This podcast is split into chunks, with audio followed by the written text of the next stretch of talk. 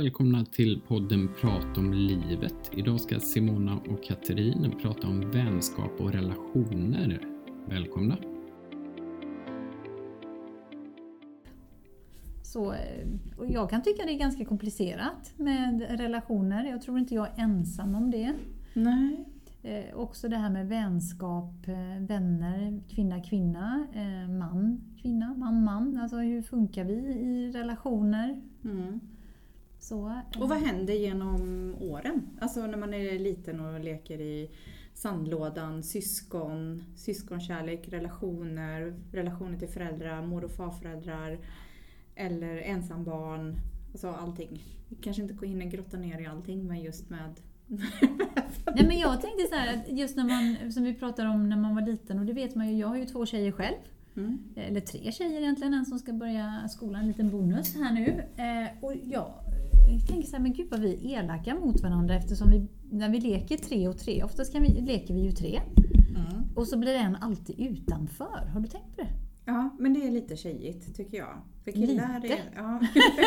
För såna, det upplever inte jag att killar är eh, överhuvudtaget. Men det är klart att det kanske också finns att man är typ. Men det är lite mer Ja, men lite dömande, vi har ju pratat lite om det förut. Mm. Att man, man lite dömande, man studerar, man är lite osäker på sig själv som eh, tjej kanske. Det kanske är det grunden är. Och att det börjar redan när man är, när man är liten.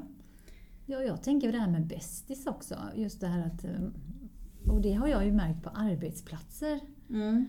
Då att eh, just det här med att hålla varandra under armen och så ska man vara lite bästisar och så ska man gå undan. Även, alltså det spelar ingen Mm. roll vilken ålder Mm. man är i som kvinna så är det så utpräglande. Mm. Och jag har aldrig varit den bästiskompisen, eller vad ska man säga. Mm. Jag har ju haft bästisar, inte så, men, men eh, jag tänker när jag var liten, jag har alltid varit den här som är så mån om att alla ska få vara med. Mm. Vi kan väl alla leka och har inte förstått när jag hamnat utanför varför jag har blivit utanför eller Mm. utfryst. Så, att, eh, ja, Nej. så jag tycker det är komplicerat och även följt mig in i vuxenåldern det här. eh, Med relationer, för man blir ju också bästa vän med exempelvis den man lever tillsammans med. Eh, och så kanske den personen man lever tillsammans med har syskon eller föräldrar. Och man kan ju inte dra jämnt med alla heller när det Nej. gäller det. Och det är någonstans man, även om det låter jättefint att alla ska få vara med och, så, det är grundtanken. Men bara för det så ska man väl inte behöva umgås med människor som man inte känner att, som ger någonting. För det tycker jag är viktigt för mig. Det måste ge mig tillbaka. Ge energi och inte bara ta energi. Sen har man ju vänner kanske som mår dåligt stundtals eller går igenom saker där som man får ge väldigt mycket mer. Men för mig är liksom ömsesidigt givande och tagande än bara energitjuvar. De får man ju göra slut med på ett snyggt sätt. Och det är inte så lätt. Nej, det är inte så lätt. Och, och sen också när kommer man på att det är energitjuvar? För när du pratar så får jag det här, det här ordet framför mig. Sund vänskap. Alltså när det blir ett givande tagande, Mm. man kan skratta och gråta med varandra. Att det inte bara är en som är slasktratt, som jag brukar säga, då, Mm. eller en som är mottagare och den andra får ur sig allting. Och sen inte ha tid. Eller att man, man hittar en, en Just det. Att, att man använder sin vän som slasktratt. Och där kan väl jag säga att jag har varit en sån eh, mottagare av allas eh, eh, Eh, problem och gillar att lösa problem. Det är därför jag jobbar med det jag jobbar med idag och tycker det är intressant. Och när jag säger lösa problem då menar jag inte att jag löser andras problem utan då menar jag att jag, jag lyssnar och så ställer lite frågor och så får den personen tänka till. Så, för att jag upplever ju att eh, det är ju ingen annan som kan bestämma över någon annan vad som är rätt eller fel. Det vet man ju bäst själv och det har jag nog alltid haft med mig. Men så har man ju haft kompisar ibland som kommer med den här pekpinnen. Mm. Nej men så där tycker jag inte du ska göra och det där är inte bra utan jag tycker du ska göra så här. Mm. Och så har man blivit så här, men vänta lite du kan ju inte komma och bestämma över mitt liv. Mm. Vad hände här? Mm. Såvida man inte man kanske ber om åsikten. Ja det är en annan sak. Det är en annan sak, men att man bara tar för givet att kliva in att nej men så tycker inte jag du ska göra. Eller ha uppfostrar du dina barn så här skulle jag aldrig göra. Och då börjar man ju tänka så här att nej men fast vi har ju lite olika förutsättningar kanske hur vi uppfostrar barn eller hur vi är på jobbet eller vad man, man gör eller vad man, man tycker är vänskap. Och någonstans, man rensar ju ut. Eh, som jag brukar säga till min, eh, eller ja, brukar, jag sa det till min dotter när hon skulle börja gymnasiet, att det är där de riktiga vännerna kommer in som man oftast har kanske hela livet eller en, en bra bit in i vuxenlivet än de som man kanske går på dagis, förskola, eh, låg och mellanstadie. Det är ju fantastiskt om man klarar av att ha den relationen ända från så lite. Och hur lyckas man med det? Det är väl också kanske den här givandet och tagandet på ett bra sätt. Eh, för det har jag också märkt att men vissa vänner kommer och går. Så man får tillbaka i olika stunder i livet, att man har liksom typ en paus. Man har ett break och sen hittar man tillbaka till varandra eller livet eh, någonstans har format den att någonstans blir det gemensamt igen. För man kan ju också växa ifrån sina vänner. Ja men det gör man ju och där har vi ett praktexempel när man får barn. Och så har vi vissa vänner som inte får barn när man själv får barn eller tvärtom. Och då, då hamnar man ju på olika nivåer i livet eller som jag brukar kalla det för hållplatser. Och sen så möts man upp igen lite längre fram men man trivs väldigt bra ihop och, och det är ett givande och tagande och det är väldigt roligt. Mm.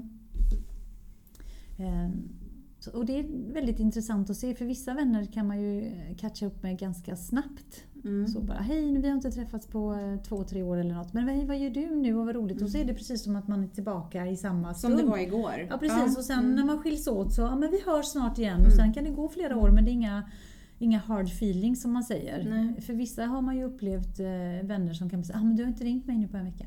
Nej. Eller två månader. Mm. Och vad, vad mäter man då vänskapen i då? I samtal eller att man ska finnas där? Eller jag vet inte. För jag resonerar inte så. Det kan gå en lång tid och så kanske man då kanske skickar ett sms. Tänkte på dig idag, gjorde det här, det här, hoppas vi kan ses eller någonting. Och ibland kanske man bara säger så. Vi hoppas att vi kan ses, vi kan väl ta den där lunchen eller vi kan gå ut och ta ett glas vin eller något. Men så blir det liksom inte av för att man får ju också prioritera. Man kanske inte kan ha hur mycket vänner. Man har sina närmsta sörjande och sen så finns det den här ytterkretsen och sen finns det kompisar, och sen finns det bekanta och så mitt ibland är det kollegor. Och det. Alltså man jobbar ju med relationer hela tiden. På jobbet, med barnen, med föräldrar, med, med sambos, med män, med kompisar. Hela tiden. Och någonstans, har man samma approach till allihopa? Nej, inte jag. Jag tror inte någon har det. Nej, man kan inte vara likadan hela tiden. Nej, även om man kanske vill, eh, tror att man är det så Mm. tror inte jag heller att man, eh, man har samma approach till allihopa. faktiskt. Nej. Utan man, och så väljer man sina tillfällen eller man, man väljer vilka man, man pratar med Mm. i olika situationer.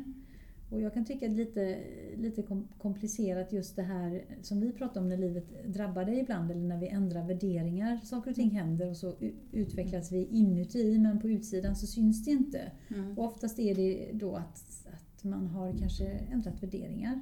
Mm. Det, det som var viktigt förut blir inte lika viktigt. Eh, och så tittar man på sina kompisar som man har haft, eller vänner då, bekanta och som man umgås med jättemycket. Men man tycker fortfarande om dem men man känner sig som ett UFO, en sån här Mm. alien. Som, och så tänker man här, men har jag tyckt det här var kul? Men vänta lite, det, det är ju inte Mm. intressant längre. Det här Nej. är intressant och så märker man hur man backar. Mm. Och så tänker man, vad är det för fel på mig? Vad är det som Mm. har hänt? Mm. Och det är ju, man utvecklas och det är livet som händer. Har du gjort slut med någon kompis någon gång? Ja. Men jag är ju den här fega personen då. Mm. Fejdar. Fejdar, fejdar ut. Fejdar ut. Ja, för Du ghostar dem som det heter. ja men precis, precis. Och det, det, det vet jag att jag gör faktiskt. Mm. Så. Eh, Egentligen eh, tror jag att jag hade mått bättre av att vara mer rakare Mm. och säga att nej men jag tycker nu den här vänskapen liksom, Mm. nu, eh, nu tycker jag den är slut på grund av det här och det här. Och där har jag Mm. lovat mig själv nu att när vissa människor återkommer i mitt liv, för att det, det är ju så jag tror Mm. det är för alla att man har vissa cykler i livet där människor kommer och går. Mm. Eh, där jag ska vara faktiskt helt ärlig och så får den mottagaren ta det precis som Mm. den vill. Mm. Eh, och det betyder inte att jag ska skälla på någon eller vara elak mot någon utan jag kommer liksom säga att jag upplever att vår vänskap är byggd på det här och det här tycker jag inte är okej längre. En respekt. Ja men lite eh, så. jag. Ja, Ja. Att du har kommit fram till att det här är viktigt och där vill man kunna Ja. ge med sig. Jag önskar att man kan få det tillbaka för jag tror att många ghostar någonstans. Mm. Eh, eller fejdar ut eller vad man kan göra. Eh, men det är inte så lätt heller till exempel i olika eh, konstellationer med vänskap och mm, när, när man blir, ja, man går från eh, ung vuxen till vuxen och sen när livet drabbar en och har vänner och bekanta runt omkring sig som kanske inte trivs med, eh, med sitt liv. Eh, som kanske vill ha lite mer utav den kakan och kanske inte eh, utav sig själv då. Och då någonstans ser den här att de vill ha liksom mer utav en själv. Mm. Utav mig som kompis. Och så har man liksom det här med, med jobb och barn och familj och fritid. Och ska man klämma in liksom en vän i, i nöd också. Ehm, och då är det liksom så här, det är ju en prioriteringsfråga också. Man kan ju känna sig ganska taskig som, som kompis. Men då Mm. brukar jag tänka så här, men hur nära är den här? Hur mycket vill man hjälpa? För man vill ju självklart lyssna. För det är oftast en person som inte mår så bra, vill ju liksom prata av sig och älta och de här bitarna. Och då kan man göra det. Men är det liksom en jättenära vän, det blir så påtagligt att det kan bli jobbigt att hantera när man ser ens bästa vän är ledsen. Också. Jo, men det, gör Och skulle man fastna i det här ältandet så tror jag att det bästa är att man är rak och säger att, att eh, jag hör vad du säger, jag förstår att du har gått igenom, men nu har det gått den här tiden. Och varje gång vi pratar så pratar du om det här. Nu, nu är det dags att du behöver liksom kanske söka hjälp för att ta dig vidare. Jag finns här och stöttar dig men nu får du ha fokus på annat. Ibland får man faktiskt vara tuff som vän. Jag tror att det hjälper mer. Jag tror att det hjälper mer att man sitter och lyssnar och sen då fejdar, fejdar bort som vän, vän för att man orkar inte lyssna och tänker den här personen kommer inte vidare. Jag tycker om den men, men just nu känner jag bara att efter två års tid har jag fortfarande inte kommit någon vart. Nej. Och då blir det, och då blir det väldigt, väldigt jobbigt. Där hade jag ju önskat att någon kanske hade sagt till mig då när jag separerade. Kanske om jag betedde mig så, vilket jag säkert gjorde. Eh, och vänner försvann av olika anledningar. Eh, och jag blev en sån här eh, vän som man träffade när man skulle gå ut och promenera. Mm. Så, eh, promenadkompis eller eh, ja, man blev helt enkelt inte bjuden längre på, på massa evenemang eller tillställningar och sådär. Det berodde utav olika anledningar och det, en utav anledningarna kan ju faktiskt vara att jag jag belyste någonting som de tyckte var tråkigt och obehagligt. eh, Så, eh, och då är det jobbigt att vara i det som är tråkigt. Eller ledsamt. Man Eller vet inte hur ledsamt. man ska, ifall någon är, ledsen, sorg, att man inte vet hur man ska hantera Nej. en sån person. Ja, för jag, fick, eh, jag fick faktiskt en sån här grej. Jag fick en sån här aha-upplevelse för några, det var ganska många år sedan nu, så var det en person som sa till mig Ja, den här personen träffade jag på det här stället och vet du, de hade hört, det var en arbetskamrat som sa så här, och de, eh, den personen hade hört talas om dig. Oj, vad dina vänner har varit elaka mot dig. De bara övergav dig allihop Mm. när livet drabbade då. Mm. Och jag blev så här, va? Mm. Jaha, oj, är det så man pratar om mig? Tänkte jag då. Mm. Samtidigt så har jag förståelse till att det var, det var väldigt tufft och jobbigt i många år. Ehm, och att jag hade väldigt svårt att komma ur det. Tills jag äntligen då kom Mm. ur eh, det här. Mm. Men då kände jag väl också att jag kanske var en ny människa på insidan. Lite det jag pratar om Mm. eftersom det är självupplevt. Mm. Så när, när jag blev den här promenadkompisen så kände jag att det fanns inte så mycket mer att prata om. Ja. Så, så jag tror att... Och det gav det ingenting. Den här Nej. energin som är lite bra, givandet och tagandet. Att man, det är inte så att man alltid ska vilja ha någonting eller behöver någonting. Utan man känner så här, respekten. Att eh, jag lyssnar på dig, du lyssnar på mig. Vi hjälper varandra, vi stöttar, vi skrattar, vi har kul. Och de här bitarna. Men det kan ju också i vissa vänskapskonstellationer uppstå avundsjuka. Definitivt. eh, vart man är i livet eller vad man åstadkommer eller hur man har blivit eller att man är fri eller har fria tankar. Alltså det kan ju vara vad som helst vad man är avundsjuk på. Jag tror att det är vanligare bland kvinnor än på män. Eller hos män. Jag tror att det, det är ganska, eh, alltså, kan vara ganska jämnt tror jag. Men Mm. jag tror att vi kvinnor visar det Mm, ja, mer, kan det mer tydligt på ett sätt än vad kanske män gör. Ja. Mm. Eh, då. Att vi, har, vi, har, vi har ju de här giftpilarna. Mm. Så här, vi hugger gärna i ryggen och, och Mm. kan se, komma med sådana här dräpande ko- kommentar. Mm. Jaha, har du köpt en sån här bil? Ja, ja du tjänar ju så mycket pengar. Hur Mm. känns det då? Mm. Så lägger man till. Och så är det lite leende på slutet. Ja, lite falskt leende. Ja. Mm. Ja men det var jätte, jättegott. Åh vilken fantastisk Kan jag få receptet? Ja Nej. precis. Och det känns ju så långt ifrån en, en själv när man försöker liksom tänka de här sakerna. Liksom, äm, har man själv varit avundsjuk? Ja men säkerligen. Men då kanske man är- har liksom sagt att gud vad roligt för dig att det är så här. Det hade jag också vet, jag är avis. Ungefär den biten. Men liksom gå omkring och vara jätteavundsjuk på någon. För någonstans handlar det om vad man kan göra själv. Vad det nu må vara. Om man eh, också vill ha en Porsche eller om man också vill ha en eh, fantastiskt jobb eller karriär. Men ja, det är- det är svårt att liksom rannsaka sig själv där och kunna peka ut, har jag varit det här? Har jag varit det? Men avundsjuk, Ja, fast inte kanske taskig. Det hoppas jag verkligen inte. Då säger jag förlåt. Men jag tror att vi alla blir avundsjuka Mm. eh, på någonting eller något som någon har. Mm. Men precis som du säger, det, det är hur, hur, hur tar vi emot det? Jag kan tänka så här, åh tänk vad roligt, tänk om jag hade haft det. Och sen så väljer jag alltid att bli glad för den personen. Mm. Och så tänker jag så här, ja men gud vad roligt och eh, att den eh, kunde unna sig en Porsche. Och den har ju kämpat för sina pengar själv och jag hade också velat ha en. Men jag gläds så mycket med dig. Jag har liksom alltid haft den devisen. Men jag har ju förstått att det, det är ju inte så att alla, alla tänker inte på det sättet. Och där kan jag ju se, jag hade ju faktiskt en arbetskamrat som blev en vän ett tag. Eh, som sa till mig att eh, hon tyckte det, det var jättejobbigt med mig. Mm. Eh, För att eh, hon tyckte att jag höjde ribban på jobbet. Mm. Eh, och, kände att, och hon sa det, jag är jätteavundsjuk på dig. Och då tänkte jag, men gud vad stort att hon faktiskt berättar var skon klämmer istället för att gå omkring. Jag fick Mm. whiplash-skador utav henne, så brukar jag skoja och säga. Ena dagen var hon jättetrevlig och jätteglad och nästa dag så, så tittade hon inte och sa inte hej. Liksom. Mm. Jag förstod inte vad, vad, vad, var det som hände. Men, men då berättade hon det, liksom, att hon var jätteavundsjuk och tyckte att jag skulle ändra mitt beteende. För att hon mådde så dåligt. Och då tittade jag på henne och så sa men det, nu förstår jag inte, du kan inte jämföra dig med någon annan. Mm. Så, du är du, du är jätteduktig på dina grejer. Så, men du får jobba på din självkänsla för det har ju faktiskt ingenting med mig att göra. Nej. Nej, faktiskt inte. Och någonstans mäter vi avundsjuka i, i lycka, framgång, ja, som pengar eller lyckat eller vad man nu kan definiera i detta. För det är väl oftast då man blir avundsjuk. Tänker jag.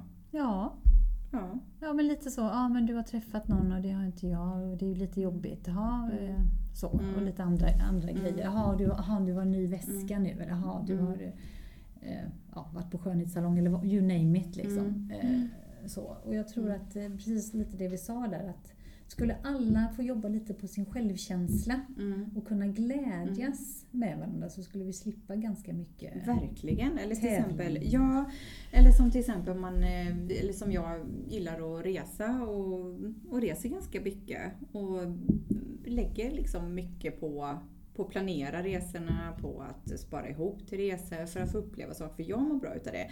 Men jag har ju ingen båt och husvagn och sådana andra grejer som en del kan ha också. Utan nej, men jag fokuserar liksom på, på resandet då. Åh gud, jag är så avundsjuk och var i Thailand i tre månader. Ja men det kan du också göra, vill man ju liksom säga. Men det går ju inte för jag, inte- jag har ju vanlig anställning och då, jag är ju inte egen företagare. Så att jag bara, bara för man är egen företagare så är det inte så att jag har semester utan jag jobbar ju där också.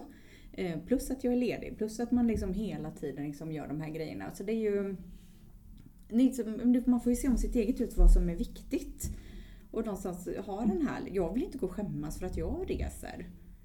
Det är liksom min grej, mitt liv. Och då blir det lite...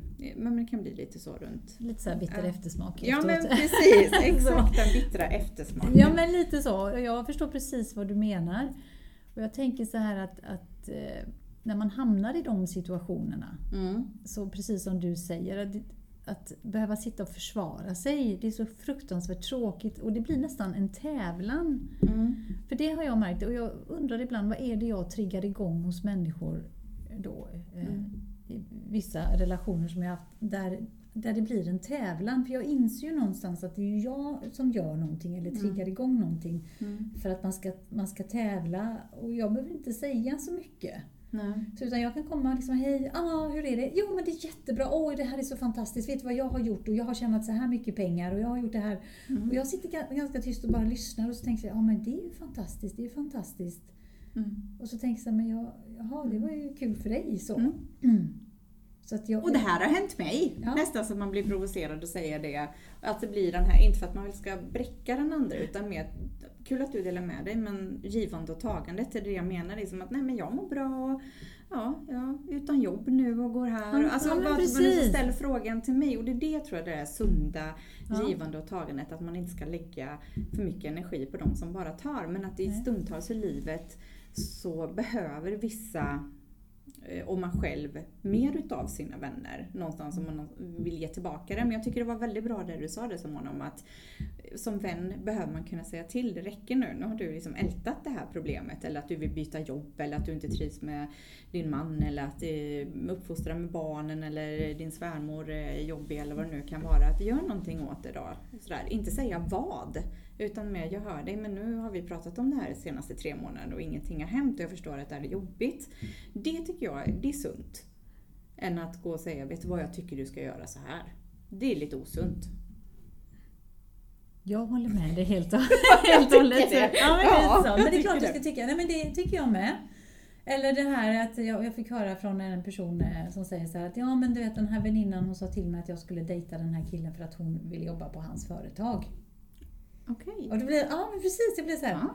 Ah, Okej, okay, det där var ju, jaha. Och, och då säger den här personen, men jag har ju kommit på det här att det var inte så sund vänskap för att den här, den här kvinnan då, eller vännen då, hon, hon säger alltid så till mig mm. att eh, hon vill att jag ska göra saker och ting. Mm. Och då tänkte jag, jaha okej, okay. och så pratade lite grann om, om det här med just eh, sund mm. vänskap och relationer och, och, mm. komma på att vänta lite, det är bara, det är bara ett, ett tagande från ena hållet och så mm. Men tänkte du inte själv då att hon kanske upplever dig som att du inte vet vad du ska göra? Alltså den tanken måste jag ha slagit. Varför får jag de här tipsen hela tiden? Upplevs jag som att jag inte tar egna initiativ? Eller varför får den här personen att den ska säga till mig vad jag ska göra? Mm. Jag tänker, tänker jag. Ja, mm. och jag tänker också, vi har pratat om det här med, jag kommer in alltid in på det här när man är någons projekt. Eller mm. att man har ett projekt när man går in i vänskapsrelationer. För jag kan tänka mig, det brukar min man säga till mig, ja men du vet ju att du var ju den här personens projekt. Mm. Ja just det, ja det var jag det. Så mm. yr höna brukar jag skoja och säga att jag blir lite såhär, jaha, jaha, det kanske jag var. Men så får man tänka efter lite, jo men det är klart. Och då finns det ju alltid de här människorna som, som kommer eh, när man mår dåligt eller någonting händer, man är lite i underläge. Mm. Utan att man förstår det själv. Bara mm. säga. Eh, och så kommer de och så stöttar de och hjälper. Men så fort man, man kommer upp liksom och, och känner att mm. nej, men nu vill jag stötta tillbaka eller så. Mm. Eh, då passar det inte längre för då är man ju inte ett projekt. Och det där tycker jag är så himla intressant när, när det svänger från mm. att man har då varit någons projekt utan att man förstår det återigen att man, man har varit det. Liksom. Mm. Den är väldigt hjälpsam, den är väldigt tillmötesgående och trevlig och sen helt plötsligt så bara blir den väldigt otrevlig. Mm. Men man har ju bekanta, mm. man har kompisar och man har vänner. Mm. Jag tycker det är svårt att ha jättemånga vänner. Man kanske har en tre, fyra nära men det, vänner. Hur, hur, definierar du vänner? Nära vänner, vad är det? Ja men det är ju det här sunda, givande och tagandet, respekten och att man finns där. De som vet allt om en och fortfarande tycker om en på något är kvar. sätt. Ja, är kvar efter alla år. Eller nya. Det är ju, ja, och så kompisar. Ja men det är lite ytlig kontakt. Mm. Den där som man fortfarande kan ta upp kontakten som du nämnde mm. förut. Liksom, Hej hur är det nu? Mm. Och, och hör av sig lite då och då utan att det finns några krav att man ska göra det. Bekanta däremot, det är då det är lite kravställande. Fast nu känner ju inte vi varandra så jag tycker att inte du ska bli sur på mig för att jag inte har ringt till dig. För du kan lika gärna ringa till mig. Men så säger man ju inte i den situationen. Utan man bara, nej men vi får ta det där. Det här då liksom någonstans. Och så blir det så att de, det är som ebb och flod. De kommer tillbaka och så mm. försvinner de och, och sådär. Självupplevt så när jag har haft det tufft så upplever jag att mina närmsta vänner kanske inte riktigt visste hur de skulle hantera mig. De fanns där, men de fanns inte där sådär mycket och så som, man, som jag önskade. Mm. Och jag sa inte det heller. För det fattade jag inte då. Men då var det som att den här innersta kretsen, de blev lite, lite låsta i det. Och jag fattar det, för det är klart att det inte är roligt att se någon är ledsen och mår dåligt. Men då blev den kompiskretsen, där dök det ju då upp där det blev liksom att man tog upp det och då var de blev jättestöttande.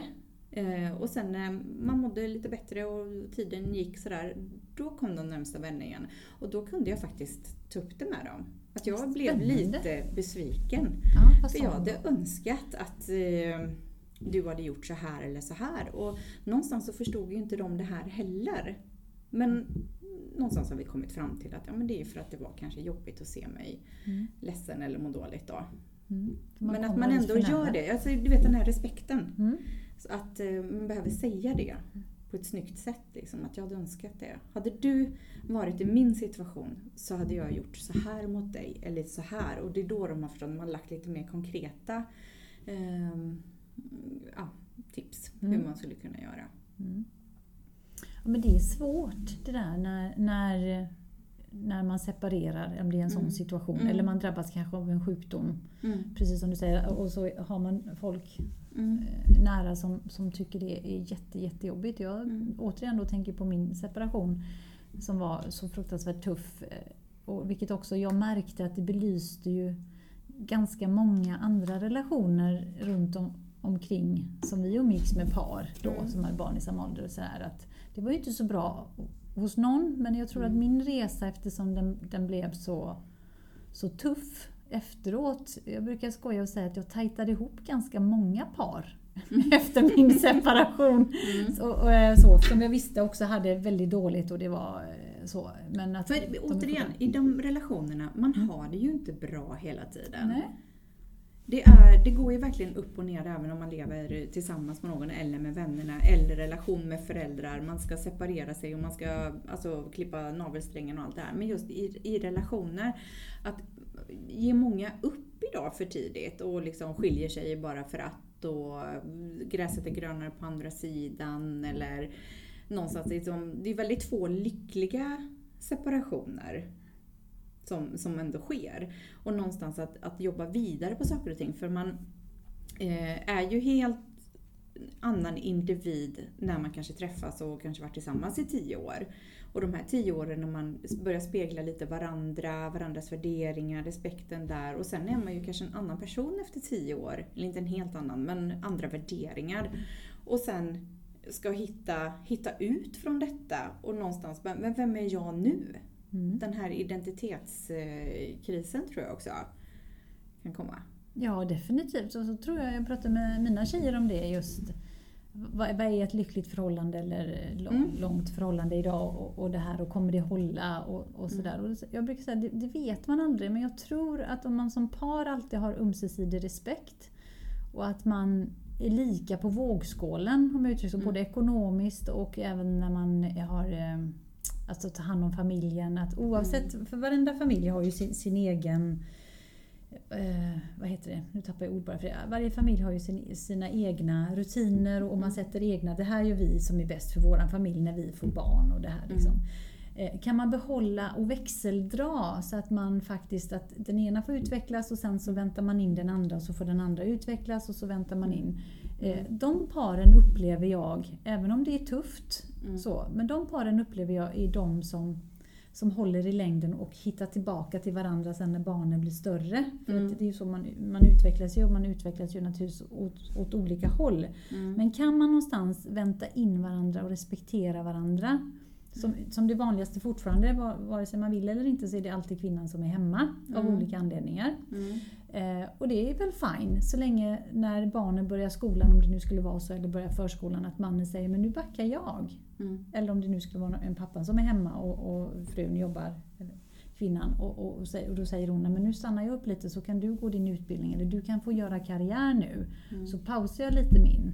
Alltså att, att man håller på och växeldrar för då tror jag också att man utvecklas tillsammans. Mm. Det, det är stor skillnad när den ena bara sticker iväg och den andra Mm. blir kvar på en hållplats. Men då tänker jag så här, är det manligt och kvinnligt? För jag tänker i förhållande där det lever två män som har liksom barn till exempel, eller två kvinnor som har barn. Att man tänker någonstans lite lika kvinnohjärna, manhjärna. Det var en intressant fråga, det har jag faktiskt inte tänkt på. Nej. Nej men jag tänker det. För att, Mm. eh, ja, men, kvinnor det är liksom generellt lite mjukare värden och då, så det är ju så det sitter i DNA så när man var liten någonstans. Vi har ju pratat lite om det också. Mm. Eh, och män liksom är mer på det här sättet och då tänker jag att det kanske är enklare. Nu vill jag inte säga att det är enklare att leva i en samkönad eh, relation. Men att man kanske har en, en annan sorts förståelse för varandra. Kan vara så. Jag tänker så här, jag tror att man går in i roller vare sig man vill eller inte. Jag tror vi har det i DNA oavsett om, om det är samkönat par eller inte. Jag tror att det finns alltid en som står mer för det känslomässiga än det andra. Mm.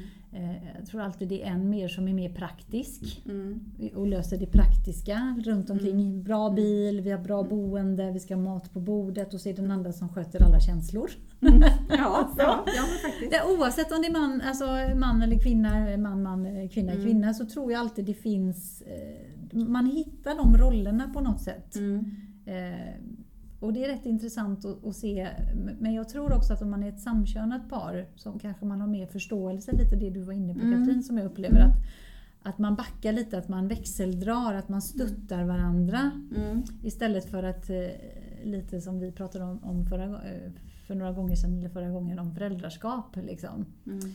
Att, eh, att man har den här, man ska ha egen tid. Mm. Och det kan jag också uppleva i, i relationer. Mm. Att nej, men jag, jag måste ha lite egen tid. Jag ska gå på eh, grabbresa eller tjejresa och jag ska göra det och jag ska göra det. Mm. Och så blir det så här, jaha, men vad, vad, vad, vad händer med tillsammans Mm. då i en relation och hur kan man då växa? Jag säger inte att det är rätt eller fel för det tycker jag, jag har inga tankar eller åsikter om det. Jag, jag bara Mm. känner så vad händer med viet? För det kan jag Mm. uppleva att det finns inte i så många par att vi är ett vi. Att, att det, Mm. utan att... Jag tänker att Jag, ha sina jag egna grejer Mm, med, ja, med sina tjejkompisar eller Mm. killkompisar eller vice Mm. versa. Det tänker jag att det kan nog stärka lite också för att man kan vara sig själv också. Men får en person lite för mycket utav det här hela tiden och någon annan sköter markservicen så att Mm. säga. Då tror jag det kan bli lite, för att man själv kanske inte har det behovet eller kanske inte har de där vännerna som man kan göra de här roliga sakerna med. Då blir det lite inte så jämställt i det hela.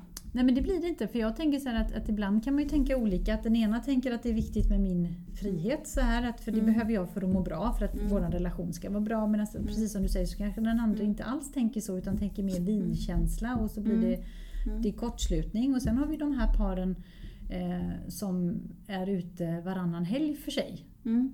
Eller hittar på Mm. någonting varannan vecka eller var, var, eh, Mm. en gång i månaden. Ja, men nu var, förra gången var det du, nu är det jag. Och sen är det jag. Eh, så så att eh, delar upp det. Jag tycker det är så intressant Mm. att se för att idag har vi blivit, vi är ju väldigt individualister i, i det svenska samhället. Ja men verkligen. Och jag tänker när barnen är små, då är det svårt att få tid till varandra också.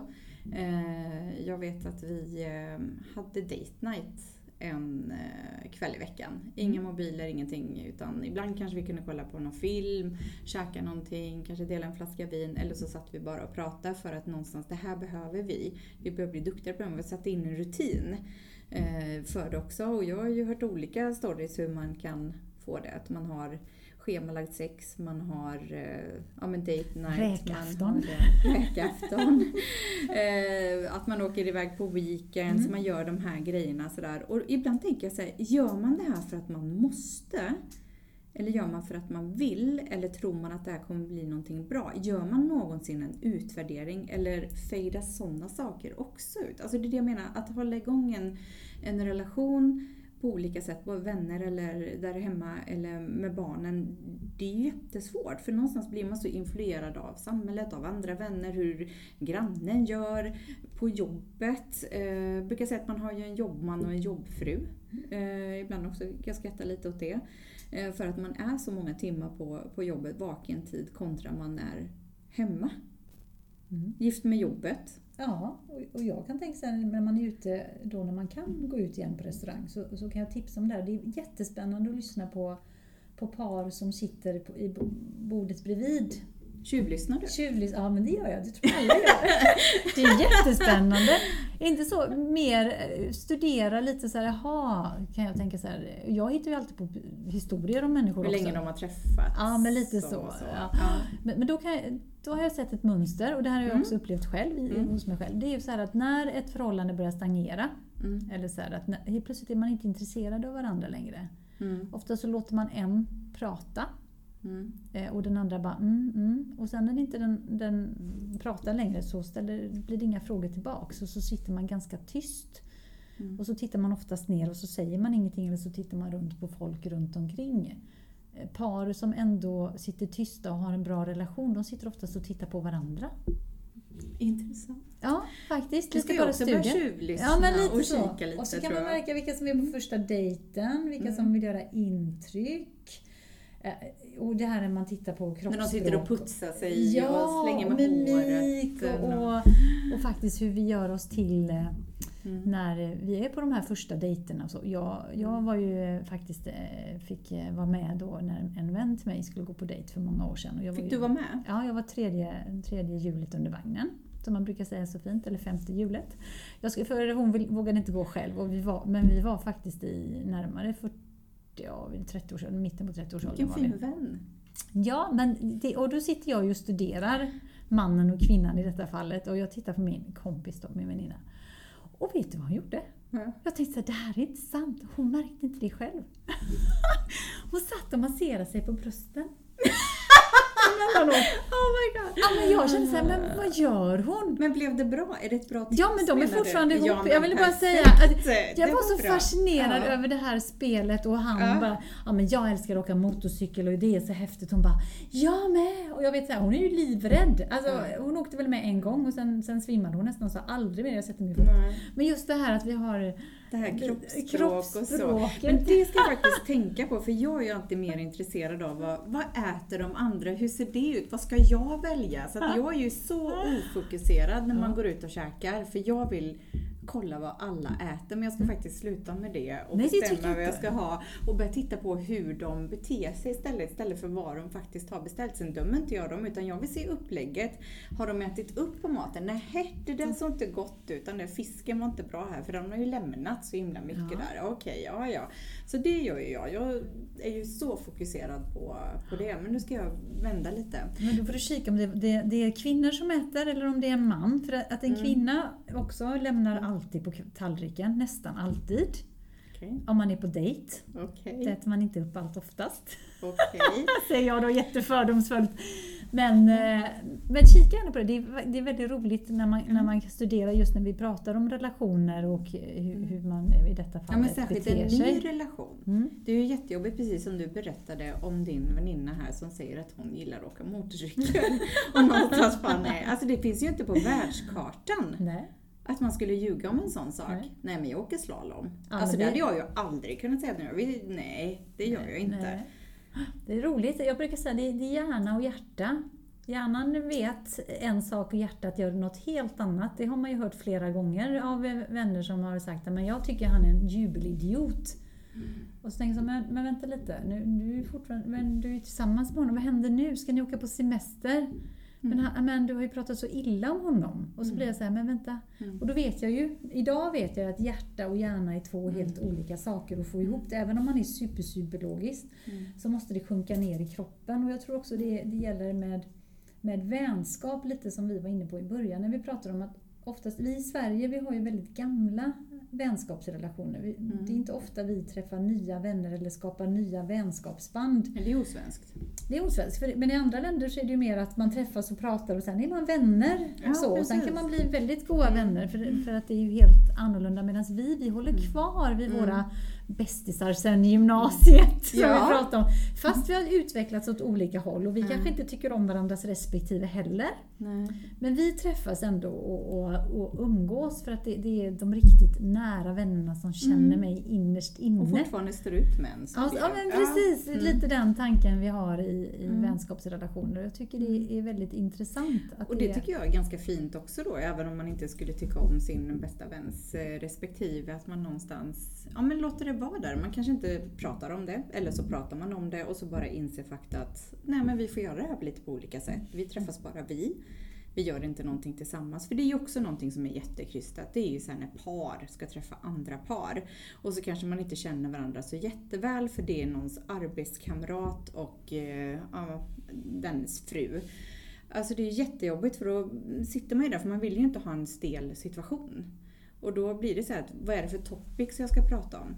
För att lära känna den här personen. Och någonstans ha några färdiga grejer för att det inte är det här tystnaden, det här jobbet. Utan det ska ändå kännas att trevligt att komma hem till mig och det ena och andra. Men jag förbereder när inte jag känner någon. Det är nästan som man har ja, men frågar hur är hon och vad gör han? Och så att det inte blir något så här jätteklumpigt. Eh, man kanske frågar, hur många barn har ni då? Nej men vi försöker ju få barn. Alltså det blir ju jättejobbigt direkt från början om man ställer den frågan. Så Där försvann den relationen ut! Nej, men man vill göra ett gott intryck och någonstans eh, att, att man, man har koll på läget. Men när man inte har de här, när, när det inte är någon som bjuder tillbaka på samtalet eller bara känner så att klickar inte. Alltså man kan ju känna av olika energier och Mm.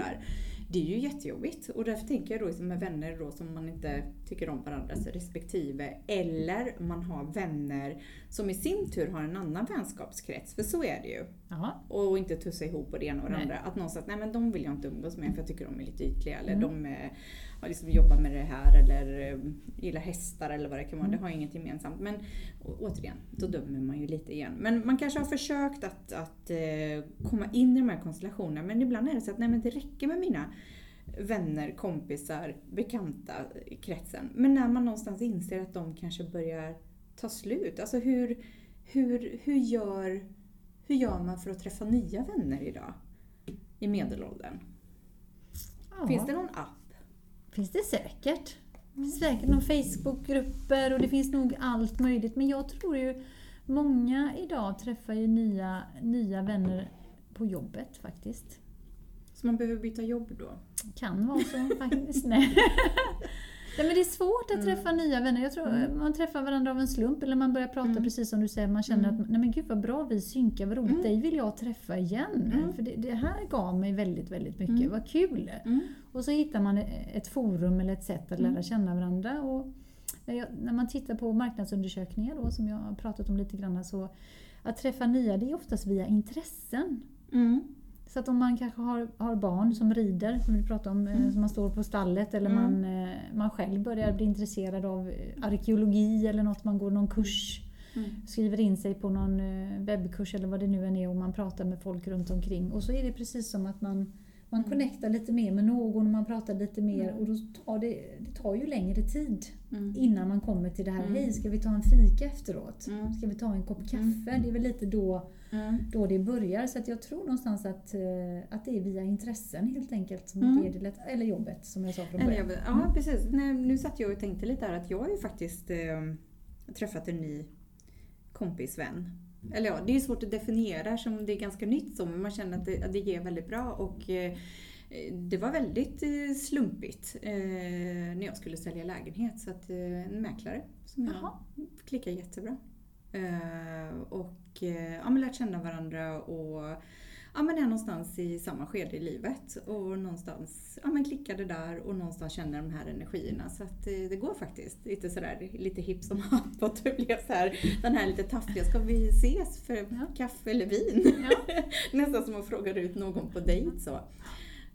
Så det, det har faktiskt hänt. Men jag tror att det är de som kanske har ja, men svårare, som kanske inte är, som är mer introverta än extroverta. Att det kan nog vara tufft liksom, att skaffa nya vänner och kanske man håller kvar sina gamla vänner och relationer fast de kanske inte ger så mycket. Jag tycker någonstans att man ska eh, Ja men kanske inte vårställa låter tufft men man kanske ska sätta sig ner och fundera lite vad ens olika vänner ger eller tar. Jag tycker det är viktigt att någonstans ifall man känner att man inte vet vart man är på väg i, i livet eller kanske inte mår så bra just nu att man har stagnerat i en vänskap att någonstans kanske våga rensa ut den istället för att hålla fast den. ja, men jag tror att många är rädda för ensamheten. Mm. Att bli ensam, att man inte har någon att ringa och säga hej till. Mm. eh, Eller sådär. Att man, Men då kanske man ska också rannsaka sig själv mm. i det hela. Varför, ja, varför det är så. Man kanske inte är så muntergök eller kanske inte ger så mycket heller. Alltså sätta sig ner och verkligen fundera. Vilka är mina närmsta vänner och varför är jag vänner med dem och varför gillar de mig? Eller ställa frågan.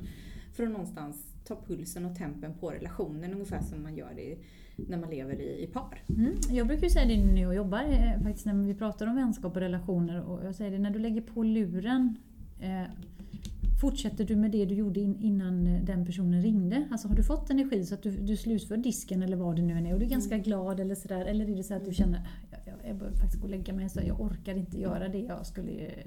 Så, alltså, när, när har du normal energinivå och när sjunker energinivån? Och skulle man upptäcka att man har samma vänner eller samma vän som, Mm. som man känner likadant alltså två, tre gånger. En gång, ingen Mm. gång, två gånger, alltid. Eh, då får man faktiskt Mm. rannsaka sig själv och Mm. sätta sig ner och eh, tänka sig, kan jag eh, informera den här vännen på ett bra sätt att det är en energislukare just nu. Mm. Vi var inne lite på det att man Mm. kan sätta lite gränser och säga att nu har du ältat lite för länge. Mm. Kan ju vara en det tyckte jag var jättebra. Nu får du faktiskt göra någonting åt Ja. det. Eller, eller är det något annat? Eh, vi vet ju alla har ju säkert har någon vän eller bekant som alltid ringer när den vill någonting. Och så får man ont i magen när man ser att den personen ringer och så tänker man, nej men vad vill den nu? Mm. Och- då eh, körde jag det här då på en sån person. Hej vad kul att du ringer, vad kan jag hjälpa dig med idag? Vad respondade personen då? Tänkte inte på det utan var... Eh, först eh, jätteställd. Nej, men det vad menar du? Liksom, nej, jag tänkte bara, behöver du hjälp med något? Eh, nej, nej, nej, jag ringde bara för att... Eh, och sen så kommer det då. Mm. Eh, och så belyser man det några gånger. Sen Mm. ringer inte de mer om inte det är så att de vill ha din vänskap. Annars vill de bara ha, Mm. ha din tjänst. För det är ju skillnad på vänner som vill vara dina vänner och sen vänner som har behov av att Mm. eh, få en handling utfört av någon Mm. annan för att man inte vill göra det själv. Och Mm. de sållas bort ganska fort när man speglar ett beteende. Mm. Så, att, så om man beter sig likadant som den personen Mm. så brukar det oftast eh, ge med sig. Men det gäller ju också att man hittar en inre styrka i att Mm. faktiskt det är okej att inte bli omtyckt. Ja, verkligen. För den rädslan har vi alla så att vi måste bli omtyckta. Vi måste bli så omtyckta så att vi går sönder Mm. Och gör våld på oss själva för att inte någon ska tycka illa om mig eller prata illa om mig. Och Mm. jag tror att någonstans får man sätta gränser och Mm. äga sin, sin egen självrespekt. För om jag respekterar mig så kommer ju Mm. också andra respektera mig. För hur ska Mm. någon respektera mig om jag inte respekterar mig själv? Det är då jag säger äsch, det gör ingenting att du råkade spotta på mig. Nej, det gör, Mm. Gör det alls. igen nästa Ja. vecka också gärna. Ja. Jättebra. Men nu när du sitter och pratar så tänker jag Ja. att det är så mycket enklare ibland, eller enklare, det är, jag tycker, jo det är enklare att vara vän med en kille. Tycker jag. Tystnaden talar. Nej men jag tycker det. Är sant? För det ja, för det är inte det här Åh, jättedu. Det. Nu, alltså, mina närmsta vänner är inte sådana. Kompisar, Nej. det finns. Eh, men en eh, killkompis, nej. Det är på en helt annan... Och då undrar jag, kan man, kan man vara kompis med en kille? Kan tjejer och killar vara kompisar utan att det är någonting mer? För jag har försökt att ha ja, killkompisar. säger jag då. Ja, för jag har en helt annan erfarenhet. Mm. Och jag har blivit så besviken eh, tre, fyra gånger. Fyra gånger nu när jag fick tänka efter lite grann. Mm. Eh, där jag har upplevt eh, mannen eller killen då som en kompis och, och verkligen betett mig som en kompis eller så. Eh, givande och tagande och sådär. Och sen så har det gått eh, något år eller några månader och sen så sitter personen och berättar att den är så kär i mig. Och hela min värld rasar samman för att det är ju min bästa kompis. Mm. When Harry Ja. met Sally. Om det Ja, men, jo, men jag tror det finns ju också sådana konstellationer. Absolut. Det är nog vanligare än att det inte blir, leder till någonting. Alltså att det, att det leder till en relation eller någonting. Det tror jag är vanligare. Men Mm. det, det finns ju absolut. Jag upplever att det är enklare att vara Ja, men du har killkompisar. Ja, Ja. jag har killkompisar.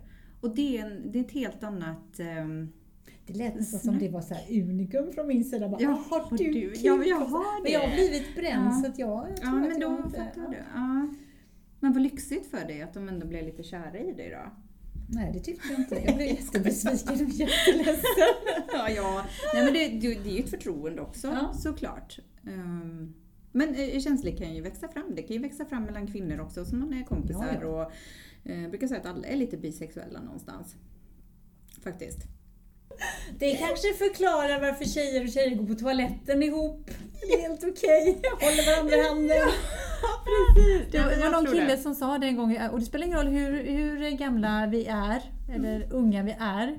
När man har fått lite i sig, nej men vi måste gå på toaletten, ja men då går vi ihop. Mm. Och det finns inga spärrar så, utan Nej. då går man på toaletten tillsammans och killarna Mm. står och tittar och förstår inte. Nej, jag har faktiskt slutat med det.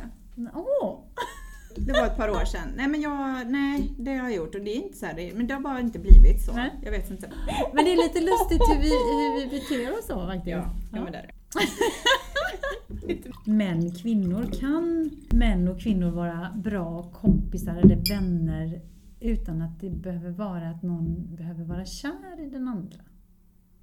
Ja, jag tycker det. Ja, jag tror på det. Jag upplever det. Jo, men för jag, när man, om man frågar killar, för det har jag gjort några gånger, Mm. frågat och sagt det och då säger de alltid så här, nej men killar, nej men killar, har du en killkompis som, som hjälper dig extra mycket eller så, då ska du veta att då är han kär i dig. Han gör ingenting om inte han är- är förtjust liksom. Mm. Jag bara, men det, nej, men det stämmer väl inte? Nej. Så. Nej men, jag, nej, men jag, jag kommer på flera stycken här Mm. nu som det inte är något, något kärleksfullt eller Mm. något sexuellt emellan eller någonting. Så det, det går. Vad skönt, vad bra. Då high-fivar vi på det, att det går. Och jag, det är enklare Ja, vill jag säga då. Det är mycket enklare. Men det är kanske också att man är tydlig på ett helt annat sätt. Jag vet inte. Jo men det, jag kan ju uppleva killar som dunkar varandra på ryggen och är väldigt raka. Är de arga eller någonting inte stämmer så säger Mm. de det rakt ut. Liksom, Mm. Att du, det här var inte schysst. Liksom. Det tycker jag inte var okej. Okej Mm. förlåt, mm. stryker vi ett streck och vi tar en bärs och bastar. Typ. Ja men precis. Och då tänker jag så här av ren nyfikenhet, det måste väl bubbla upp till ytan någonstans. Om, om, man, om man till man när de dunkar och Mm. gör det här, att någonstans måste det väl gro? Eller är män förbaskat förlåtande? Det var en bra fråga faktiskt. Mm. Ni Andra som är män där ute som lyssnar på det här, Mm. återkom gärna med eh, reflektioner kring detta. Verkligen. Ja. Ja, men men det är bara att se lite det här med separationer som Mm. vi oftast eh, återkommer till. Att eh, män måste ju oftast skynda vidare in i en ny relation innan de kanske har rannsakat vad som gick snett i den relationen de var i innan.